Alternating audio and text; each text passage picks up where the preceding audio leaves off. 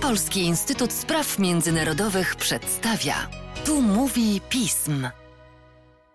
Tu mówi pism. Przy mikrofonie Mateusz Józwiak, a wraz ze mną Michał Wojnarowicz, analityk oraz ekspert Polskiego Instytutu Spraw Międzynarodowych do spraw Izraela. Cześć Michale, dzień dobry Państwu. Cześć Mateusz.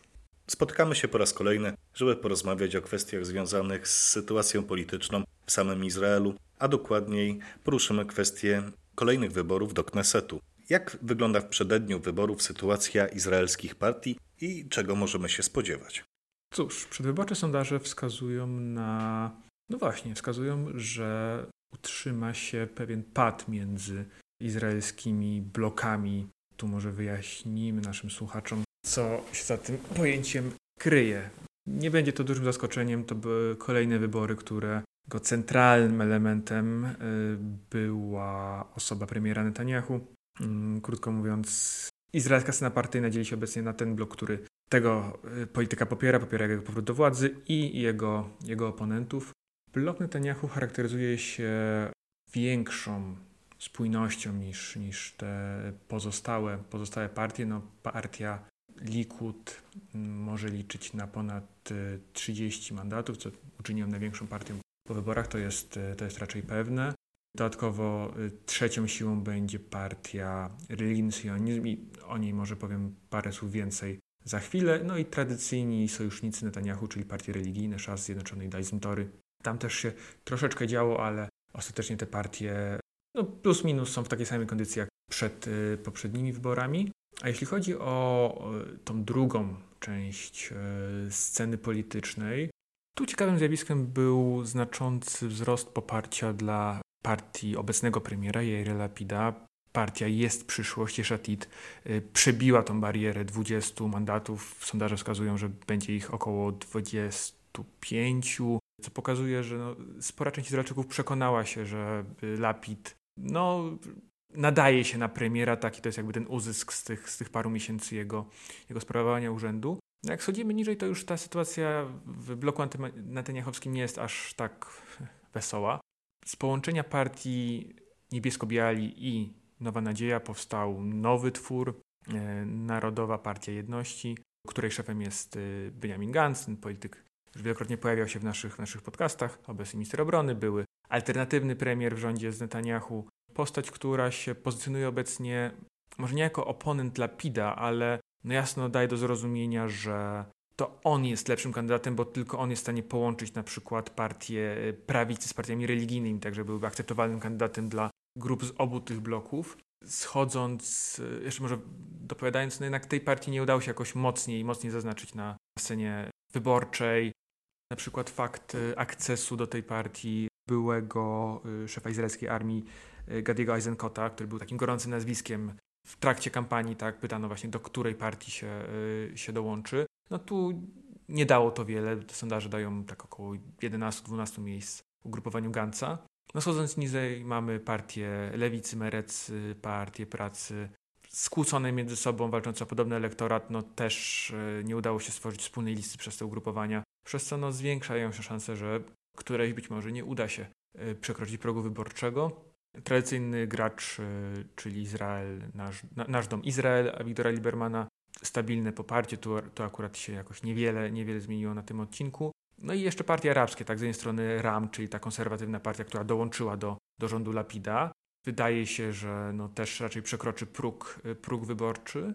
Rozpadła się z kolei partia Zjednoczona Lista, tak, sojusz tych różnych ugrupowań arabskich y, komunizujących. Największe szanse na przekroczenie progu wyborczego ma lista Hadashtal, to jest ta, ta grupa, która pozycjonuje się poza blokami, ta, która nie chce wchodzić do rządu, dlatego jakby takim, takim wielkim wydarzeniem na, na, na scenie izraelskiej y, partyjnej był akces Ramu do, do, do rządu. Stąd na nich akurat Lapid nie za bardzo może liczyć, chociaż no wiadomo, różne rzeczy mogą dziać się po wyborach. Więc chyba wymieniłem wszystkich potencjalnych domowników w Knesecie, tak to określmy. Trochę ciekawe rzeczy dzieje się poniżej progu wyborczego, bo tam o przetrwanie polityczne walczy Ayelet Shaked ze swoją paraliżową partią Dom Żydowski. Jest ugrupowanie Balad, które właśnie wyłączyło się spośród partii arabskich. No, ich akces, y, ich wejście do koncertu może sporo namieszać w tej, tej scenie, w tym rozłożeniu mandatów. Niemniej uogólniając, no, największe szanse na stworzenie rządu ma Netanyahu, bo obecnie walczy się o najmniejszą mniejszość, więc 60 plus 1 to, to jest coś, co jest w zasięgu tego polityka. Z kolei blokowi Lapida, no bez tego wsparcia tych grup arabskich, to nawet nie, y, nie udaje się dobić do tych 60 mandatów. No ale jeśli na przykład nie udałoby się stworzyć rządu przez, przez Netanyahu, no to Lapid pozostanie na czele tymczasowego gabinetu tak długo, dopóki kolejne wybory czy jakaś kolejna zmiana na scenie politycznej nie, nie doprowadzi do przełamania. Michale, warto w takim razie zapytać o to, czego dotyczyła kampania i jakie były jej główne hasła. Z kwestii wewnętrznych troszeczkę mocniej niż w poprzednich odsłonach słychać było te kwestie gospodarcze, bo jednak światowe perturbacje y, w tym obszarze no, też dotykają w jakiś sposób Izraela, choć jeszcze nie tak mocno jak, jak na przykład państwa Europie. Niemniej y, mocno rezonowało kwestie rosnących cen, tradycyjny temat, czyli wzrost, wzrost cen mieszkań. Likud proponował różne rozwiązania z pakietów y, socjalnych, kwestie dostępności do, do, do żłobków. Mocno te kwestie też akcentowały partie religijne, bo to też jest ich mocny element ich, y, ich programu. Z takich rzeczy już stricte politycznych, no to siłą rzeczy Netanyahu, jego osoba, jego stała obecność na scenie politycznej, związane z tym różne, różne kontrowersje. Chociaż temat y, związany z no, toczącymi się wobec niego sprawami korupcyjnymi, no to już trochę mniej, mniej e, angażuje izraelską, izraelskie społeczeństwo. Tak, no kto miał sobie wyrobić na ten temat zdanie, to już sobie dawno je wyrobił. Strona rządowa, czyli ta, ta lapidowska, no mocno grała tym, że partnerem Netanyahu w ewentualnym stworzeniu przez rządu będzie ta partia religijny sionizm, która skupia no, najbardziej obecnie radykalne y, grupy na Izra- wśród izraelskiej prawicy o mocnych akcentach etnocentrycznych, antyarabskich, y, proosadniczych, miejscami bardzo konserwatywnych, miejscami też bardzo, bardzo negatywnie nastawionych do, do instytucji państwa. No i tutaj prominentną twarzą tego obozu jest y, Itamar Ben-Gwir z partii Żydowska Siła, który stał się taką trochę lokomotywą dla, dla tych wyborców y, prawicy rozczarowanych Netanyahu y, i, i domagających się no, ostrzejszej polityki wobec, wobec Palestyńczyków, czy większego wsparcia właśnie dla izraelskiej obecności w, na zachodnim brzegu, a dodatkowo jeszcze postulujący razem z innymi politykami tego obozu daleko idące zmiany izraelskiego sądownictwa, tak, ograniczenie, ograniczenie kompetencji Sądu Najwyższego, też ustawy, które mogłyby bezpośrednio wspomóc y, Netanyahu w jego procesach korupcyjnych. To nie są nowe hasła rzucane przez izraelską prawicę, ale już na tym etapie sporu politycznego mają one no, realną szansę na, na wdrożenie. I za to chodzi o kwestie międzynarodowe. No, tu Netanyahu trochę stracił pod względem y, tradycyjnego straszaka po tym, jak y, wygaszone zostały rozmowy na temat y, przywrócenia umowy o irańskim programie nuklearnym, on to zawsze mocno, mocno te kwestie akcentował. W momencie, kiedy ta kwestia jakby spadła na dalszy plan, no, trochę zabrakło amunicji. Mm, obie strony mocno grały kartą normalizacji z państwami arabskimi. Lapid poprzez takie no, no klasyczne rządzenie, w sensie no, za, zarządzanie tym procesem z punktu, z punktu, z gabinetu premiera, Netanyahu y, rzucając, y, rzucając obietnicę normalizacji na przykład z Arabią Saudyjską, nazywał to jednym z swoich ważniejszych, ważniejszych celów. Poza tym kwestia umowy z Libanem, tak, którą Izrael zawarł y, pod koniec, pod koniec października, o czym też może jeszcze kiedyś pogadamy, to też była kwestia dość mocno grana politycznie i, i wyborczo. Netanyahu odgrażał się, że ta umowa zostanie po jego powrocie do władzy zneutralizowana, cokolwiek by to miało znaczyć, no to Lapid, no, akcentując mocno fakt, że udało się zawrzeć porozumienie z państwem wrogim, nie utrzymującym stosunków z, z Izraelem. No i oczywiście kwestia wojny ukraińsko-rosyjskiej. Ta kwestia jakoś e, bardzo mocno nie, nie była używana przez izraelskich polityków, chociaż rzeczywiście się pojawiała wraz z chociażby doniesieniami o wykorzystaniu irańskiej broni, kolejnych e, odezwach ze strony władz ukraińskich do, do, do Izraela o, o, o wsparcie militarne, no ta kwestia się jak najbardziej przejawiała. No, tu jakichś zmian być może można się oczekiwać e, po wyborach, ale naprawdę dużo będzie zależało od, od tego, jaka, e, jaka strona na izraelskiej scenie przeważy. Wydaje się, że Netanyahu, mimo różnych deklaracji przedwyborczych, nie zdecyduje się na, na, na większe zaangażowanie po, po, po stronie Ukrainy. Mm, to polityk, który miał no, na koncie wiele, y, wiele wypowiedzi takich przedwyborczych, których padały różne deklaracje, z których później niewiele, niewiele było wdrażanych po. Także wydaje się, że to są te najbardziej, e, najbardziej istotne kwestie międzynarodowe. No i oczywiście coś, czego nie może się obyć żadna kampania wyborcza w, w Izraelu, czyli kwestie bezpieczeństwa. Tutaj wyjątkowo mocno tym razem widoczne było zaognienie na, na zachodnim brzegu. E, tam sytuacja bezpieczeństwa się mocno pogorszyła.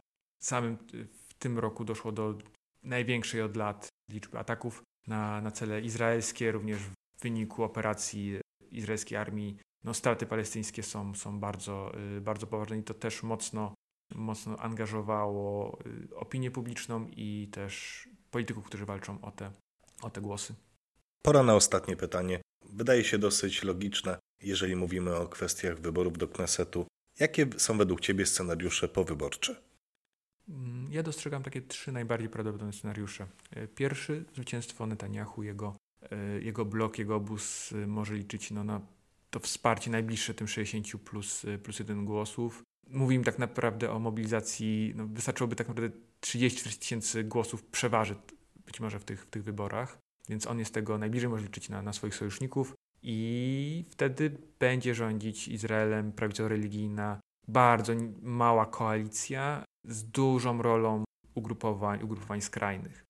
O ile w przeszłości Netanyahu y, dawał sobie radę z pewnym tonowaniem swoich y, współkoalicjantów, najbardziej ich radykalnych żądań, to tu w momencie, kiedy będzie naprawdę zależało to wszystko od jednego czy dwóch głosów, y, no, jego pole manewru, takiego we, już wewnątrzkoalicyjnych rozgrywek, mm, będzie, będzie mniejsze.